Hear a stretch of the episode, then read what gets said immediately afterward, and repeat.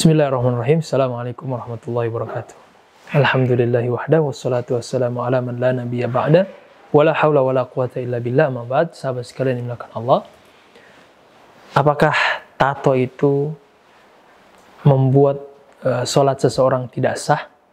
Nah, pertanyaan ini uh, patut untuk kita jawab karena memang ini sangat mengganggu uh, terkhusus sebagian kaum muslimin, saudara-saudara kita yang mungkin punya masa lalu yang sempat uh, mentato tubuhnya, kemudian ingin tobat kepada Allah.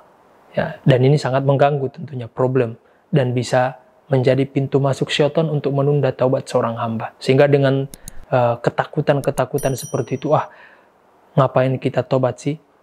Ya ternyata kalaupun kita sholat, sholat kita ternyata tidak sah. Akhirnya tadinya sudah berazam untuk sholat, ya ditakut-takutin, baik dari kalangan setan manusia maupun dari kalangan setan jin. Nah ini harus kita luruskan sahabat sekalian. Baik, sahabat sekalian melakukan Allah sebelum kita menjawab itu, ya ada yang hal atau hal yang perlu kita ketahui bahwa sejarah tato ini memang sudah erat atau beriringan erat dengan uh, sejarah manusia. Bahwa di antara bentuk uh, keindahan yang Allah berikan kepada manusia, bahwa manusia itu memang senang melihat hal-hal yang indah. Dan itu merupakan jamalullah, keindahan Allah yang Allah bagi-bagi kepada manusia. Jadi ketika Allah membagi uh, keindahan itu, di antara yang mendapat porsi yang lebih adalah Nabi Muhammad SAW dan Nabi Yusuf alaihissalam. Tapi porsinya beda. Nabi Muhammad SAW diberikan 50% uh, di uh, bukan 50% ya. Uh, hampir semuanya tapi nanti di akhirat ya sebagian Allah berikan di dunia. Dan itu berbalik dengan Nabi Yusuf. Nabi Yusuf porsinya diberikan semuanya di dunia tapi ketika di akhirat dikurangi jatahnya. Maka wajarlah kemudian kita katakan tidak ada yang sempurna ya tentu selain Allah ya adalah Rasulullah Sallallahu Alaihi Wasallam. Beliaulah makhluk Allah yang paling sempurna baik di dunia maupun di akhirat. Ya. Keindahan Rasulullah itu mengalahkan keindahan Sayyidina Yusuf alaihissalam. Hanya saja Sayyidina Yusuf, keindahan beliau itu yang membuat orang ya tertarik. Karena ya kalau kita bandingkan ya mungkin keindahannya mirip-mirip uh, opa-opa Korea. Tapi kalau Nabi kita Shallallahu Alaihi Wasallam keindahan beliau itu tertutupi dengan haibah, ya, wibawa beliau yang begitu uh, dahsyat sehingga orang ya memandang beliau itu dengan pandangan yang uh, tajlil yang memuliakan beliau ya. Singkat cerita sahabat sekalian memang uh, tato ini sudah sudah bagian dari sejarah manusia untuk menunjukkan identitas manusia. Dari dulu seperti itu. Sampai kemudian di zaman Rasulullah SAW ketika beliau berdakwah di kalangan uh, Quraisy. Hanya saja dahulu uh, orang bertato itu pelakunya rata-rata dari wanita. Karena memang keindahan itu identik dengan para wanita. Sehingga ketika uh, semua atau uh, syariat Islam telah turun dengan sempurna, ya semua ajaran Rasulullah sudah sempurna. Ya, Rasulullah pernah kemudian uh, bersabda kepada para sahabat Nabi SAW yaitu la'ana Rasulullah. Rasulullah melaknat orang-orang yang mustausilah ya. Al-wasilah wal mustausilah dan juga al-washima wal mustaushimah. Di mana kalau kita terjemahkan, Rasulullah melaknat para pelaku penyambung rambut. Nah kalau kita perhatikan hadis ini, kesemuanya itu pelakunya atau uh, dengan uh, diksi atau redaksi yang uh, menggunakan isim fa'il dari pelaku perempuan pakai tak marbuta di belakang.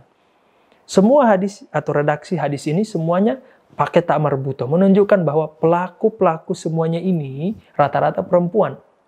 Rasulullah melaknat orang-orang yang menyambung rambutnya. Ya, para pelaku penyambung rambut dan juga orang-orang yang meminta supaya rambutnya di, disambung. Ya. Dan di antaranya yang uh, terkena laknat Rasulullah adalah pelaku ter, uh, tentu di sini perempuan yaitu yang suka nato. Ya. Kalau dalam bahasa Arabnya al-washim. Ya. Itu pelaku yang uh, menato dirinya. Tapi sahabat sekalian yang melakukan Allah Subhanahu wa taala, walaupun hadis ini memang berisi tentang larangan, ya, saking kerasnya larangan untuk bertato, Rasulullah eh, melaknat. Ya. Dan kalau Rasulullah sudah melaknat, pasti Allah juga akan melaknat. Karena Rasulullah adalah kekasih Allah, ya Nabiullah, utusan Allah, ya penyambung lidah lah ya. Maka apa yang Rasulullah sampaikan itulah yang diinginkan Allah. Maka kalau Rasulullah sudah melaknat, pasti Allah juga akan melaknat uh, orang itu. Maka sahabat sekalian, walau demikian bukan berarti kemudian uh, tidak ada taubat bagi pelakunya. Selama dia tidak melakukan kesyirikan kepada Allah, maka Allah masih membuka pintu taubat. Siapa pun ya, apa pun atau sebesar apa pun dosa fisiknya, selama bukan dosa kolbu, Ya, jadi kekufuran itu adalah bagian dari dosa kolbu loh ya. Jadi dosa yang paling berat dan paling besar di sisi Allah adalah dosa kolbu. Ya, karena dengan kolbulah orang bisa menyekutukan Allah. Kalau secara fisik, ketika dibawa tekanan orang menyembah misalnya, dibawa tekanan dia diancam nyawanya, keluarganya, hartanya, disuruh untuk kufur atau mengucapkan kata-kata murtad, maka dia nggak diambil hukumnya. Karena dia dibawa tekanan. Tapi berbeda dengan orang walaupun zahirnya mungkin taat kepada Allah, tetapi di dalam kalbunya menyimpan kesyirikan, menyimpan kefasikan, ya. menyimpan eh, menyimpan keingkaran kepada Allah, maka dia bisa kafir. Jatuhnya kepada orang-orang munafik. Maka dosa yang paling berat di sisi Allah yang tidak akan diampuni oleh Allah adalah dosa kolbu, wabil khusus adalah dosa kesyirikan kepada Allah, menyekutukan Allah. Maka sahabat sekalian, selama orang itu, ya apa pun dosanya, termasuk dia menato dirinya, Selama dia tidak melakukan kesyirikan kepada Allah, maka rahmat Allah sangat luas.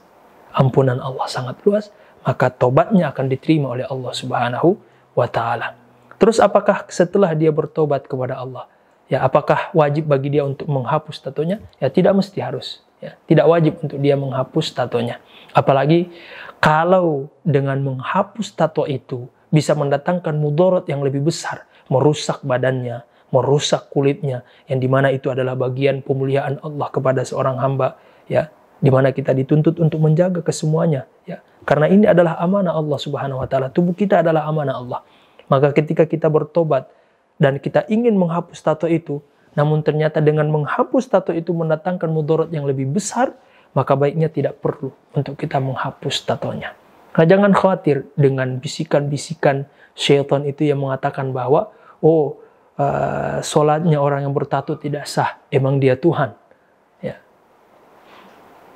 Karena rahmat Allah Subhanahu wa taala begitu luas dan Allah tidak akan membebani hambanya dengan beban yang tidak sanggup dipikul oleh hambanya la yukallifullahu nafsan illa wus'aha. Selama kita bertobat dan benar-benar ya tobatan nasuha tulus jujur kepada Allah Subhanahu wa taala maka insya Allah tobat kita akan diterima di sisi Allah Subhanahu wa taala dan solat yang kita lakukan dengan tato yang ada di tubuh kita insya Allah solatnya sah di sisi Allah Subhanahu wa taala. Selama rukun-rukun solat, wajib solat terpenuhi semuanya insya Allah.